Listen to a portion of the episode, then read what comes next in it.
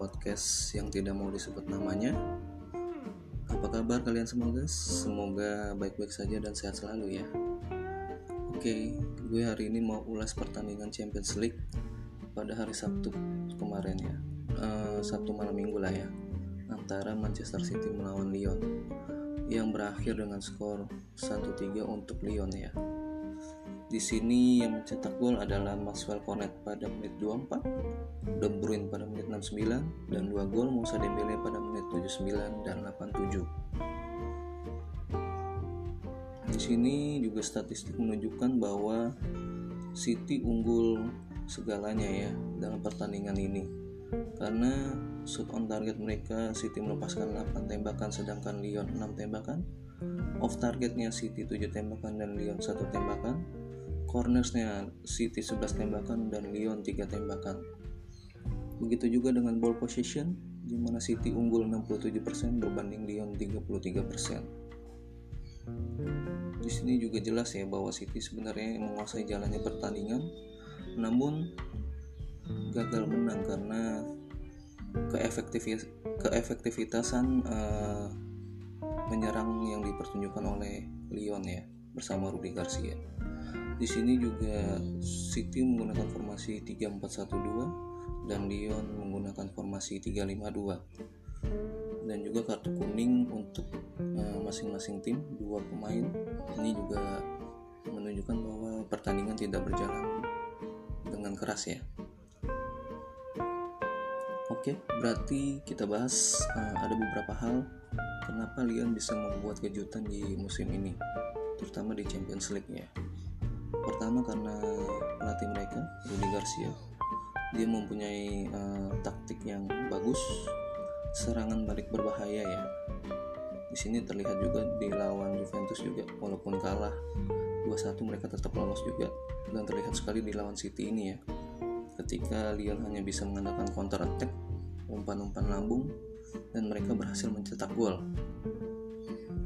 melalui skema uh, permainan tersebut ya dan sebelum melatih Lyon uh, Rudi Garcia ini melatih Lille dan Roma ya di mana Lille pada 2010-2011 berhasil menjuarai Ligue 1 Prancis ya. Ini bukti kejeniusan seorang pelatih Rudi Garcia. Dan juga di AS Roma dia juga walaupun hmm, tidak mempersembahkan gelar tapi setidaknya permainan Roma bagus dan juga menjadi penantang serius Scudetto bersama Juventus. Walaupun Juventus juara pada akhirnya ya dan kedua para pemain muda Lyon dan pemain berbakat lainnya ya. Di sini ada beberapa pemain Lyon ya sebut aja ada Maxwell Cornet Bruno Guimaraes Hosam Awar. Di sini pemain mereka berumur 20, 22 dan 23 tahun. Ya di sini eh, menurut gua sih Lyon mempunyai prospek yang cerah ya di masa mendatang. Dan gua harap juga Lyon bukan hanya di UCL sih tapi di Liga Prancis juga bisa berbicara banyak. Karena PSG mendominasi sekali ya di Liga Prancis ini. Semoga Lyon bisa mematahkan dominasi tersebut ya. Dan menjadi juara dunia lagi seperti juara tujuh kali berturut-turut pada 10 tahun yang lalu. Dan yang ketiga itu pergantian yang efektif ya dengan masuknya Kenny Tete dan Musa Dembele di sini juga menunjukkan uh, bahwa Lyon itu bisa menjaga serangan dari City dengan Kenny Tete menjaga Sterling sehingga Sterling ditutup pergerakannya dan juga membuat peluangnya sedikit ya. Dan juga di sini Musa Dembele masuk juga. Ini bukti bahwa Rudi Garcia mengandalkan counter attacknya dengan uh, umpan lambung ya di sini tercatat juga bahwa dua kali ya City mencetak uh, maaf mencetak gol melalui tendangan lambung ya umpan counter attack. Dan berhasil. Ini menurut gue Rudi Garcia benar-benar sudah memahami ya teknik permainan City ya. Dan uh, uh, ulasan yang keempat alasan Lyon bisa menjadi kejutan pada tahun ini karena pertahanan rapuh City kenapa rapuh? Karena ya sebenarnya masalah City itu di pertahanan ya. Sejak uh, awal musim di Liga Inggris karena banyaknya cedera pemain. Dan juga di sini juga ada kelengahan para back tengah mereka ya kan Eric Garcia di tengah dan Aymeric Laporte juga yang kalah duel.